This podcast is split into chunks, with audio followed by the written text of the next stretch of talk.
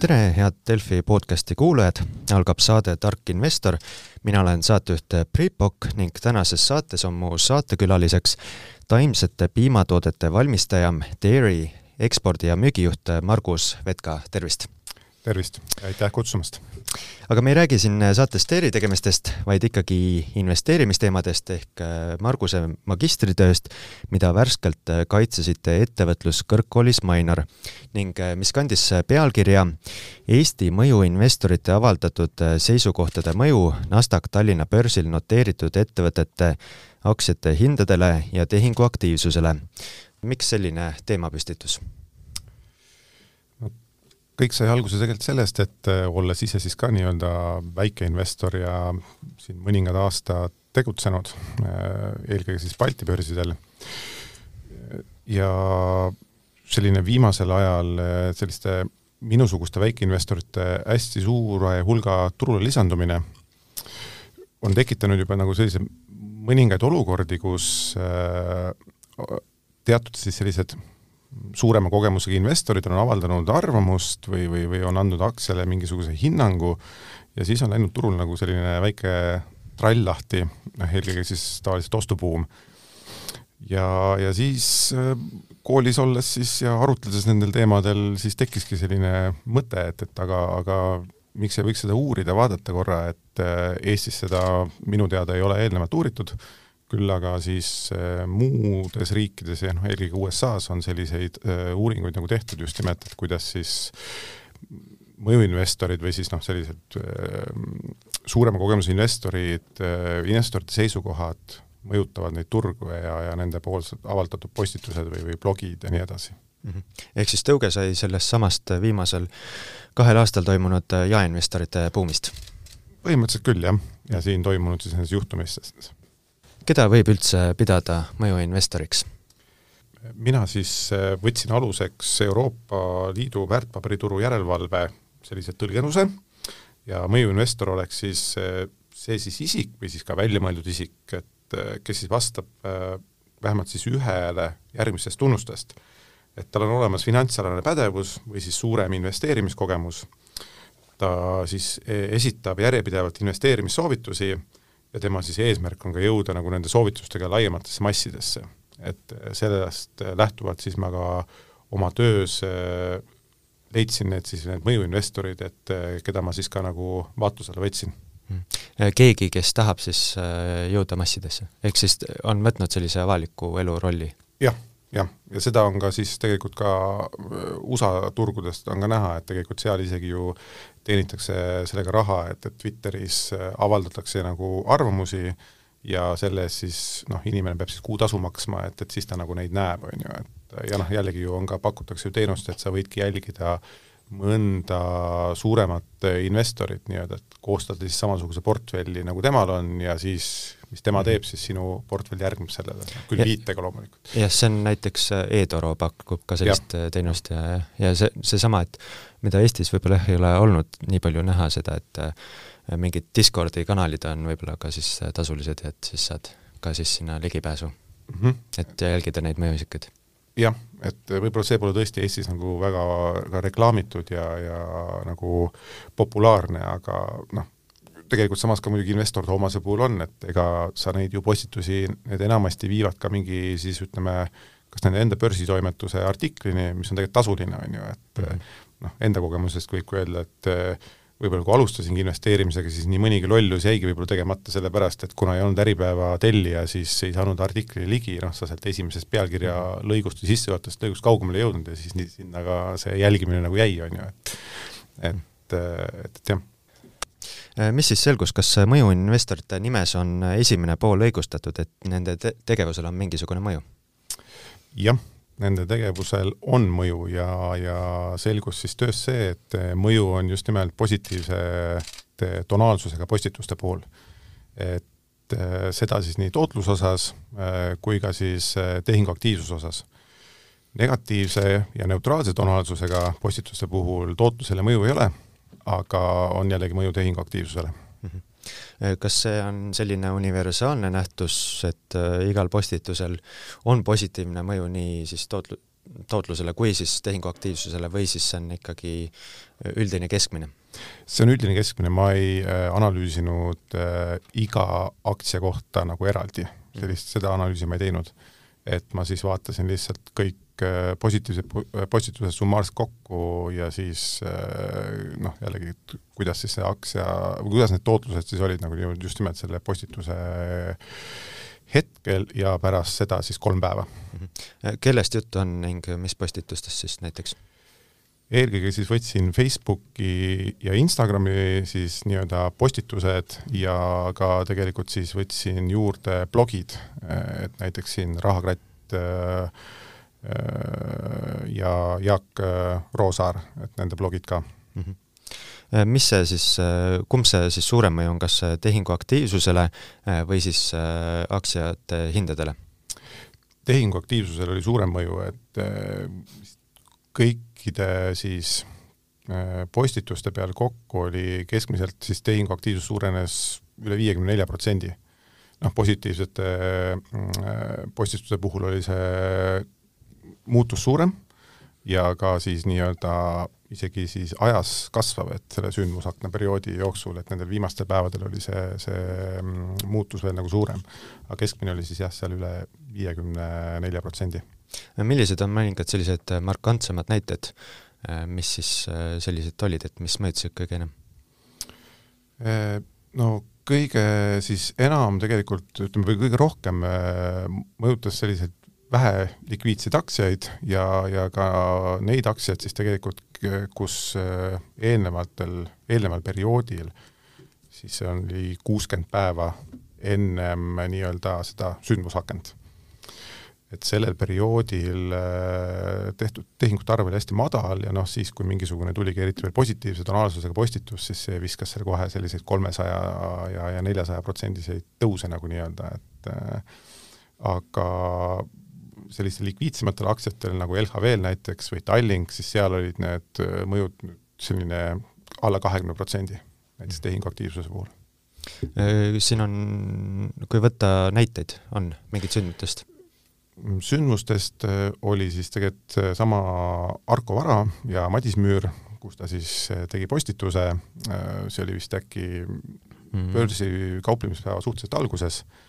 ja, ja vist kahe tunni pärast oli aktsia hind kerkinud kakskümmend viis protsenti. ja, ja noh, mis siis veel nagu selle markantseks teeb, et tegelikult selles postituses nagu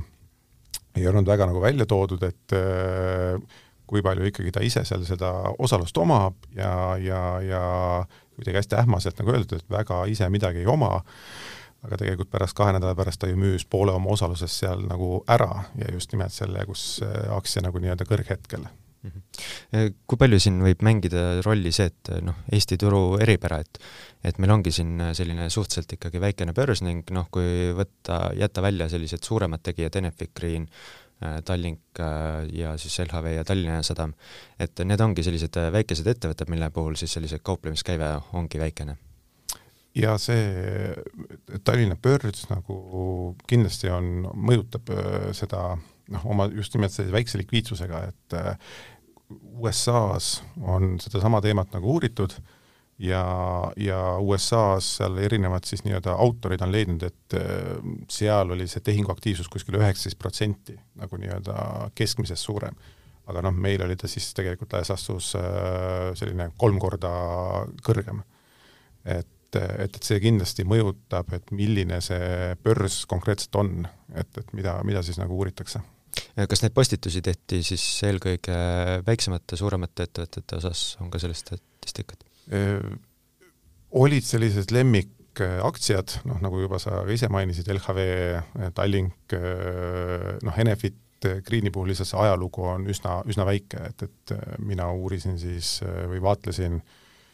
kaks tuhat kakskümmend ja kaks tuhat kakskümmend üks äh, aastaid nii-öelda. et, et Enefin Greenil oli jah, see ajalugu lihtsalt nagu vähe, aga, aga noh, ta oli ka nagu esines tihedalt ja, ja noh, Tallinna Sadam, äh, et äh, sellised, sellised lemmikaktsiad olid olemas küll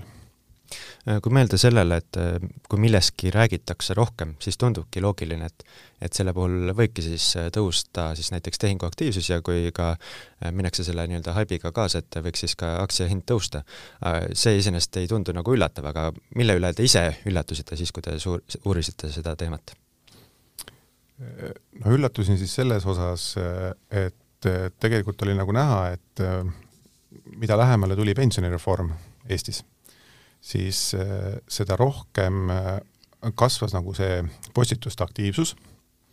ja postitustes hakati ka äh, tooma välja konkreetseid aktsiaid ja ka siis nii-öelda mainima, mitte nüüd andma, nagu soovitusi otseselt, aga mainima ära, et mida selle aktsiaga siis kas plaanitakse teha või on hiljuti tehtud. et, et, et see oli nagu natukene selline üllatav ja, ja noh, teisalt siis, et äh, võib-olla, et selline äh, turu keskmisest on ikkagi võimalik äh, teenida see oli vist absoluutse arvus üle kahe koma kahe protsendist tootlust nagu keskmises suurema või keskmisega, turu keskmisega võrreldes. aga noh, seda muidugi ainult siis positiivsete postituste korral ja, ja samas oli ka üllatav, et negatiivse ja neutraalse tonaalsusega, et seal tegelikult äh, ei olnud selle nagu äh, noh, see, see, see tootlus siis või ootusi ületav tootlus oli suhteliselt seal nulli juures kõikus, et, et ehk siis see ei avalda mõju? see ei avalda mõju, jah. aga teistpidi, kui mõelda seda, et äh, siin viimased kaks aastat ajavahemik kaks tuhat kakskümmend, kaks tuhat kakskümmend üks, nagu ka juba te siin ühe asjana välja tõite, et pensionireform tõstetas selle ühiskonnas ka rohkem teemaks, lisaks siin nii meil ka kui ka siis mujal maailmas oli see, räägiti oluliselt rohkem investeerimisteemadest,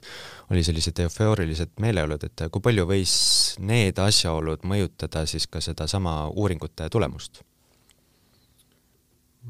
ütleme niimoodi, et kui praegu teha sellise negatiivse tsükli puhul äh, sedasama uurimust, et äh, kas siis võib oletada, et need tulemused võivad olla teist laadi? seda on isegi raske öelda, et, et noh, võiks ju nagu jah eeldada, et, et sellise äh, Äh, positiivse majanduskeskkonna taustal ja kus kõik äh, hinnad, äh, nagu siis ma ütlen, ka aktsiahinnad just, et nagu tõusevad ja selline eufooria või foon on pigem positiivne, et, et see, see oodatava tootlust ületav tootlus on nagu jah, kõrgem, aga noh, selleks ongi, oleks vaja siis, et keegi siis nii-öelda võtakski ette just nimelt sellise vastavalt siis nagu majandustsüklitele ja vaataks siis siis, et, et kuidas see, see asi seal nagu on, et kas on mingisuguseid erisusi või, või erinevusi mm. -hmm. Kui eelmine aasta oli see haibiga kaasaminemine tulus, äh, siis äh, saan aru, et see jäi keht-, kehtima siis mitmeks päevaks veel? jaa, mina vaatasingi siis, et kui see nii-öelda postitus, ehk siis minu töös ka nagu sündmus äh, toimus ja siis ma vaatasin äh, sündmuse toimumise päeva, ehk siis null päeva ja sealt edasi kolm päeva pärast seda mm. -hmm ja, ja seal siis oli jah näha, et, et just nimelt, et nagu ma ennem ka ütlesin, et negatiivse ja, ja, ja neutraalse tonaalsuse puhul see muutus oli see nulli ümber, natuke üles, natuke alla, aga noh, midagi, mitte midagi märkimisväärset. aga positiivse posti-, tonaalsusega postituse puhul oli selgelt näha, et kolmandal päeval oli see tootlus kõige kõrgem. noh, mis võib ka jällegi selle, olla siis seletatud nii-öelda selle FOMO-ga, nii-öelda et fear of missing out, et kui see postitus oli, kes siis nagu nii-öelda reageeris kiiremini, aktsia hind hakkas tõusma, jällegi mõned investorid vaatasid, oh, tõuseb, et, et väga hea, ma hüppan ka paati, noh, ja nii ta nagu siis keris, et võib-olla on seal veel pikemal perioodil sellist äh, nagu seost, aga seda ma nagu ei uurinud. -hmm. kui palju nende positiivsete postituste puhul võis märgata sellist pump and dump sellist meeleolu või olid lihtsalt nad sellised ratsionaalsemad, ratsionaalselt argumenteeritud? oli nii ja naa, et pigem sellist pump and dump'i oli vähe, et et, et sellist nagu otseselt jah, nagu neid ostusoovitusi selliseid väga nagu ei olnud, et noh, olidki need mõned sellised näited nagu äh, Madis Müür ja, ja, ja ja võib-olla ka siis natukene see Harju Elekter, just oma selle osalusega seal Skeletonis oli just mm, -hmm. jah et, et siis seda, aga, aga jah, muidu olid sellised nagu äh, ülevaated, aga noh, sealt oli nagu näha, et, et nagu selline positiivsus või, või negatiivsus kumas siis nagu läbi, et noh, oleneb, mis, mis alatooniga oli tehtud. Mhm. jah, Harju Elektri puhul teeb asja huvitavaks äh,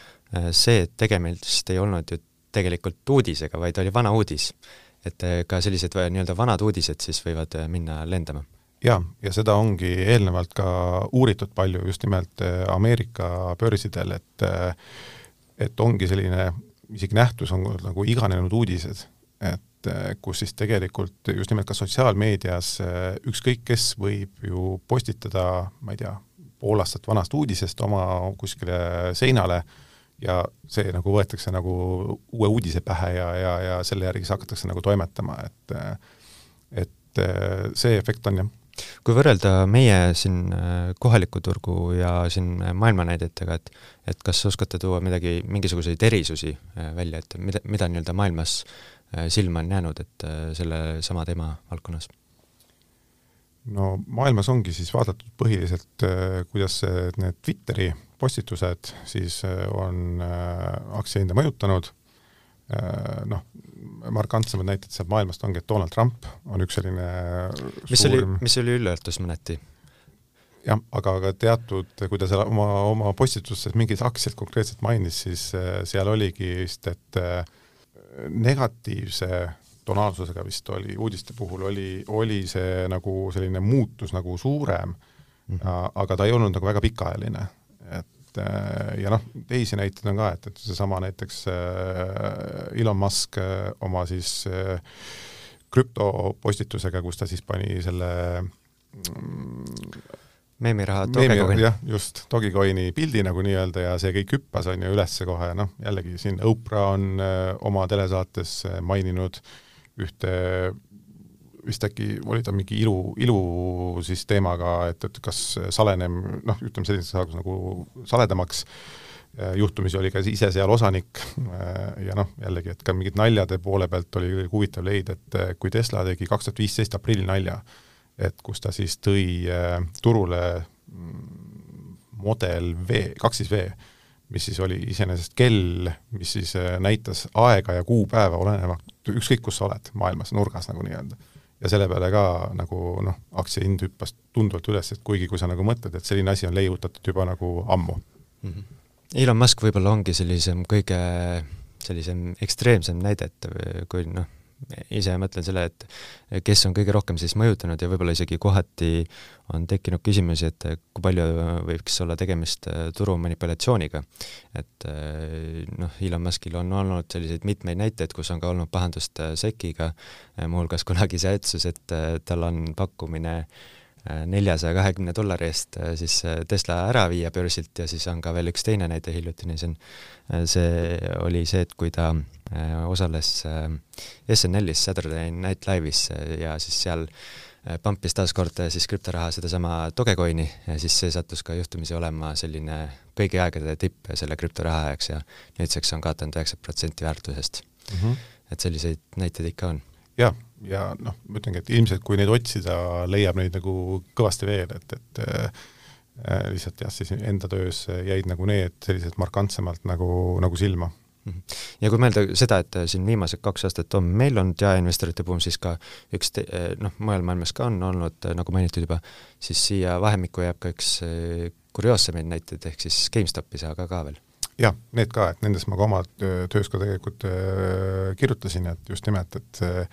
see GameStopi ja, ja üldsegi meemiaktsiate ju tõus oli ka tegelikult, sai alguse ju siis nii-öelda mõne isiku, sellise mõjusama isiku, kes seal blogis nagu nii-öelda kutsus üles siis rahvast, et äh, just nimelt vastupidiselt käituma. ja, ja, ja noh, me ise kõik teame, et kuhu see nagu viis, on ju, et kust äh, vist kuu aega toimusid seal mingi kahesajaprotsendised nagu tõusud lihtsalt, et et, et jah, nende sellistel nagu mõjuisikutel on, on nagu tajutav mõju küll turgudele kui vaadata peale sellele, et ähm, te uurisite eelkõige sotsiaalmeediat, on nii? jah. Äh, ja seal, mis ka välja kostis, on see, et äh, sotsiaalmeedia ja uudismeedia vahel on mingisugused teatavad erisused, saan aru ka? Jaa äh,, sotsiaalmeedial oligi just nimelt äh,, äh ta oli nagu suurema äh, volatiilse mõjuga. et see kõikumised olid sotsiaalmeedial suuremad kui siis uudismeedial mm. -hmm. ja noh, mis iseenesest, iseenesest võib ka nagu loogiline olla, et seda uudismeediat tegelikult ju varasemalt me oma seda infot ammutasime ka tegelikult ainult uudismeediast, et sotsiaalmeedia selline mm, siis noh, ma ei tea, viimase kümne või viimaste aastakümnete kiire kasv ongi seda tegelikult nagu muutnud, et ja, ja noh, mis iseenesest võib ka nagu loogiline olla, et, et juba neid sotsiaalmeedia uudiseid või, või siis mingisuguseid postitusi tuleb lihtsalt nii palju rohkem kui uudismeediat, et noh, ma ei tea üks selline ju ettevõte kvartalis või, või ütleme siis kuuliselt avaldab oma tulemusi, aga ta ei tee seda iga päev, aga sotsiaalmeedias nagu noh, siin isegi investor Toomas mõnedel päevadel tegi kuus postitust näiteks noh, et küll äh, seal ei pruukinud olla see kõik ühe aktsia kohta, aga, aga ikkagi, et see on nagu päris suur hulk, äh, mida siis nagu postitatakse ja mida siis ka tegelikult needsamad jaeinvestorid nagu jälgivad Mhm. mis oli ka huvitav, oli see, et äh, kui rääkida uudismeediast, siis seal on ka teatav erisus, vähemalt äh, maailma kontekstis, et mõned väljaanded mõjutavad rohkem turgu kui teised. jaa, et äh, siin töös oli jah, toodudki, et äh, äkki oli, et Bloomberg oli näiteks nagu nõrgemalt äh, mm -hmm. mõjutab, kui seal vist äh, näiteks Financial Times. Financial Times, just, just. mida veel põnevat võib varasematest uurimustest välja tuua? varasematelt, varasematest uurimustest võibki välja tuua seda, et äh, on äh, siis leitud, et positiivse tonaalsusega uudiste puhul on suurem tõenäosus, äh, et aktsiahinnad tõusevad ja ka vastupidi. et noh, siin näitena saabki tuua, et on siis, oli Briti kirjastus Pearson PLC ja Briti panga Barclay nii-öelda siis aktsiahinna liikumine ja siis sotsiaalse, sotsiaalmeedia postituste tonaalsuse omavaheline seos ja, ja sealt oli selgelt näha, et, et kui sellesama Pearson PLC kohta tuli siis nagu sotsiaalmeedia postitusi, oli kaheksateistkümmend postituselt kasvas see nelja tuhande kolmesaja neljakümne üheksa postituse peale ühel nagu päeval, siis see aktsiahind tõusis kohe üle ühe protsendi, võrrelduna siis saja suurima Londoni börsil noteeritud ettevõtte sellise keskmise äh, tootlusega indeksi kasvuga nagu nii-öelda ja samas siis Barclay aktsia langes, sest äh, seal oli just nimelt äh, negatiivse alatooniga postitusi nagu rohkem tol mhm. päeval, et, et äh, nii et selles mõttes võib ära tasuda investeering sellesse, et jälgi, kui palju mingit ettevõtet siis sotsiaalmeedia postitusi mingil päeval on ning teha ka siis sellest lähtuvaid siis kauplemisotsuseid näiteks jah, äh, no sa peadki vaatama ja just hindama selle ära, et, et kas see uudis on siis nagu nii-öelda, mis tonaalsusega ta on, kas ta on positiivne või negatiivne või siis on nagu neutraalne, ja siis on, et mida kiiremini rongi peale hüppad nii-öelda, seda suuremat tootlust sa siis äh, teenid, jah. Mhm. aga teistpidi, mis üks huvitav fakt oli veel see, et et äh, tihtilugu või tähendab, need ettevõtted, kes käivad vähem uudistest läbi, nendel on siis, saan aru, et parem tootlus hoopis, kui siis need, keda, kellest rohkem kirjutatakse? jaa, see oli ka eelnevatest äh, uuringutest tuli välja, et just nimelt see, kes olid nagu uudismeedias äh, kajastatud ja vähem sotsia-, sotsiaalmeedias, et siis nende tootlus oli nagu parem kui need et-, nende ettevõtete puhul siis, kes tegelikult äh, rohkem just äh, olid kajastatud sealsamas sotsiaalmeedias Äh, kui võtta seda uurimust nüüd kokku, et mis soovitusi on teil jaeinvestoritele, et äh, mida teha, mida mitte siis äh, mõjuisikute postitusi jälgides? no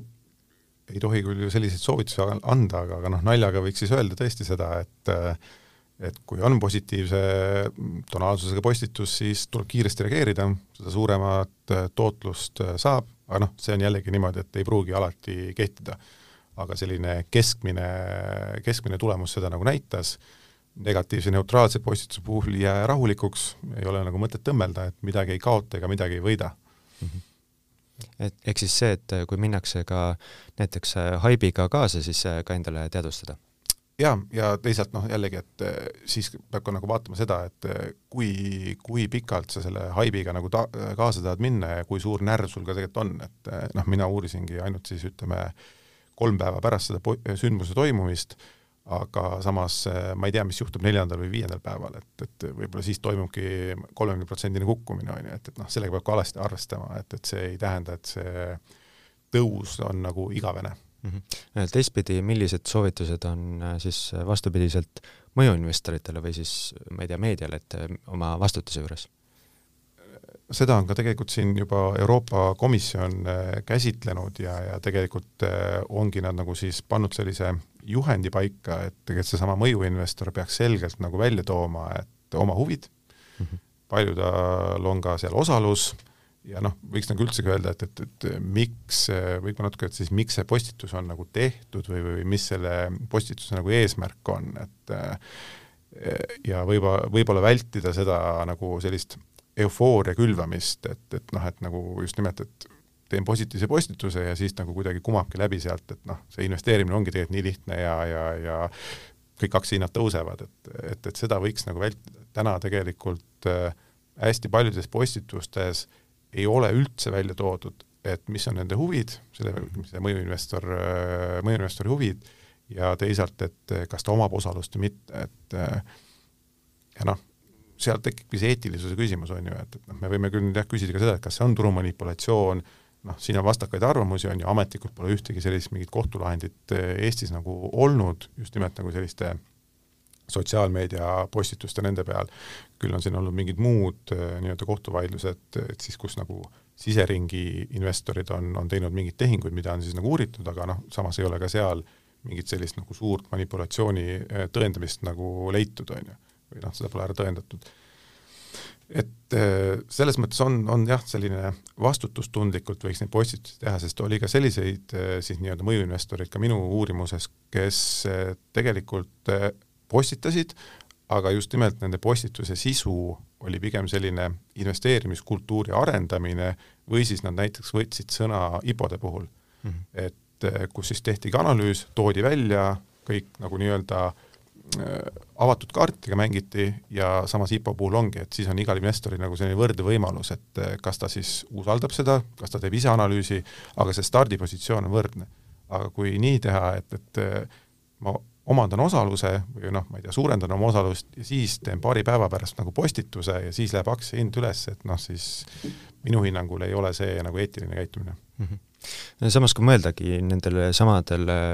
kohalikele tuntud investoritele, siis tihtilugu võib ka väita seda, et on eesmärk edendada sedasama investeerimiskultuuri, äh, seda võib-olla osundada selle peale, et kui näiteks äh, mingis kohas on huvitav ettevõte ja siis argumenteerida, miks ta on just äh, huvitav ettevõte. sest tihtilugu paljudel võib-olla ei ole aega, teadmisi, kogemusi neid siis selliselt analüüsida. jaa, nii võib küll teha ja nii on ka tehtud, aga aga see ongi siis niimoodi, et eh, noh, seal võikski siis olla jällegi avatud kaartidega mängida, et, et noh, et eh, uurisin ja mõtlen, et kas investeerin, investeeri, toon välja plussid-miinused kõik kenasti, mitte jälle jätta, et seda plussi pool on nagu kõvasti suurem kui miinuste pool või miinuste poolt pole nagu üldse, ja, ja noh, siis võikski seal ikkagi välja tuua, et, et, et noh, et kas see siis eh, juba on see tehing tehtud või ei ole või noh, millal plaanitakse teha ja nii edasi, et et, et sellist nagu avatud kaardidega mängimist võiks olla nagu rohkem, et äh, ma saan aru, et, et neid kõiki postitusi võib ka öelda ja vaieldagi, et, et aga need ongi nagu investeerimis siis nagu kogukonna arendamine ja selle investeerimiskultuuri kõigega kasvatamine, aga no ma ütlen, et mõningatel juhtumitel ma ikkagi ütlen, et äh, pigem on see ikkagi nagu selline, äh, sellise suurema tootluse püüdmine ja selle puhul ei ole teada, et juhul, kui ost on tehtud, et äh, millal siis ka müük toimub ja,. jah, jah. jah, äh, kui rääkida sellest äh, teemast veel, et ähm, tegite selle siis magistritöö valmis, mis endale tundus, et võib-olla selline veel suund, mida võiks selles valdkonnas siin edasi uurida kohalikul tasandil? no siin on mõtteid olnud ja, ja ka juhendaja Tõnn Talpsepaga äh, sai siis ka seda arutatud, et tegelikult võiks uuridagi äh, võib-olla siis ka mõnede konkreetsete aktsiatega, et minna konkreetsemaks, vaadata ka siis võib-olla veel seda sündmusaknale eelnenud perioodi, mis siis on juhtunud, et noh, sealt ongi siis näha, et kas siis äh, ongi mingi osalus omandatud või kuidas siis see tehingu aktiivsus oli ja, ja, ja aktsiatootlus, ja teisalt, et näiteks, et uurida, et millist investorit sellised postitused või need mõjuinvestorid kõige rohkem mõjutavad, noh et mis tema siis on, ma ei tea, on ta mees, keskeas, noorem, äh, millise kogemusega, millise haridusega, kõike seda, et, et see võiks olla ka nagu huvitav näha, et, et, et kes siis nagu nii-öelda neid jälgib, neid mõjuinvestoreid jälgib ja nende siis soovitustega nagu kaasa, kaasa jookseb või läheb. ehk siis laiemalt seda, et äh, millised investorid eestlased on ka? jah natukene seda ka sealt kindlasti tuleb nagu välja. et seda on ka uuritud äh, eelnevalt, et, et just nimelt, et äh, millise nagu siis hariduse tasemega ja, ja, ja millise kogemusega ja mis vanuses ja, ja mis soost nagu siis investorid, kas siis teevad nagu turu keskmisest teenivad suuremat tootlust või väiksemat tootlust, et seda on uuritud, aga just ka, et, et kuidas see mõjuinvestor siis nagu seda sellist väikest investorit nagu, nagu mõjutab mm. -hmm. lõpuküsimus ka teie enda kohta, et äh, millise investorina end kirjeldaksite, et kuhu investeerite ja mis strateegiaga? no mina olen siis selline pikaajaline investor ja, ja pigem siis ütleme, oma pensionipõlveks võiks nagu siis mingisuguse äh, sellise suurema portfelli endale nagu koguda Äh, ei, ei väga ei tõmble äh, enam, noh, alguses oli ikka selliseid, et, et selline hasart tekkis ja, ja, ja siis vaadata, aga ütleme niimoodi, et ei ole väga suuri vastunäpp, noh, väga suuri juhtumeid olnud, kus vastu näppe olen saanud, mõningad sellised väiksemad ikka on, isegi mõni tehing on isegi tehtud nagu nii-öelda sellise äh, mõjuinvestori soovitusel. tahtsin ka seda küsida, kas on näidet selle kohta, et siis mis, mis on ja. siis, kuidas on mõjuinvestorid teed mõjutatud? Äh, see oli siis tegelikult niimoodi, et ühes loengus siis äh, õppejõud äh, rääkis, kes siis oma osalust Change'is, Change Grupis, ehk siis mis tegutseb Funderbeamil ja, ja noh, siis vaatasingi, et, et selline huvitav ettevõte ja, ja siis räägiti sealt taustast ka, et, et tegeleb ju krüptoga ja sellise just nimelt nagu äh, Äh, vahendamisega, ehk siis et noh, kui krüpto, vahet ei ole, kas krüpto tõuseb või langeb, aga selline aktiivsus seal platvormil nagu ikkagi on ja selle pealt nad nagu teenivad, et, et tunduks huvitav. ja siis, kui, kui sellest esimest korda nagu juttu tuli, oli vist selle osaku hind oli ühe euro juures äkki või, kui ma nüüd õigesti mäletan ja siis äh, mingi hetk nagu vaatasin, siis ei julgenud veel nagu teha seda tehingut ja noh, võib-olla see Funderbeam oli natuke võõras ka, et, et seal üldse, et, et mismoodi need asjad käivad, et natuke tutvusin, siis kui järgmine kord äh, sellest juttu tuli, oli see osak juba nelja euro peal. Ja kui ma nüüd ise siis mäletan, et siis ma vist sisenesin äh, äkki mingi seitsme euro või selle juures, noh, noh, täna on ta vist seal alla kahte, on ju, nagu nii-öelda, aga noh, ma jällegi ei olnud nagu sellised summad ei olnud suured, on ju, aga see oli siis see võib-olla jah, et kus siis nagu selline äh, arutelu või, või nagu noh, ikkagi natuke nagu mõjuinvestor jah, et, et ja selline mõjutamine nagu toimus ja, ja sellest lähtuvalt see tehing sai nagu tehtud, aga noh, jällegi on, on nagu näha, et, et kõik ei ole alati roosiline. ehk siis kombinatsioon mõjuinvestorist ja FOMO-st ehk siis äh, ja. kartusest millestki heast ilma jääda. just vot, aga aitäh tänase saatega Tark Investor liitumast, äh, Margus Etka kellega rääkisime siis teie magistritööst, mille pealkiri oli Eesti mõjuinvestorite avaldatud seisukohtade mõju NASDAQ Tallinna börsil, äh, noteeritud ettevõtete aktsiate hindadele ja tehingu aktiivsusele. mina olin saatejuht Priit Pokk, aitäh kuulamast! aitäh!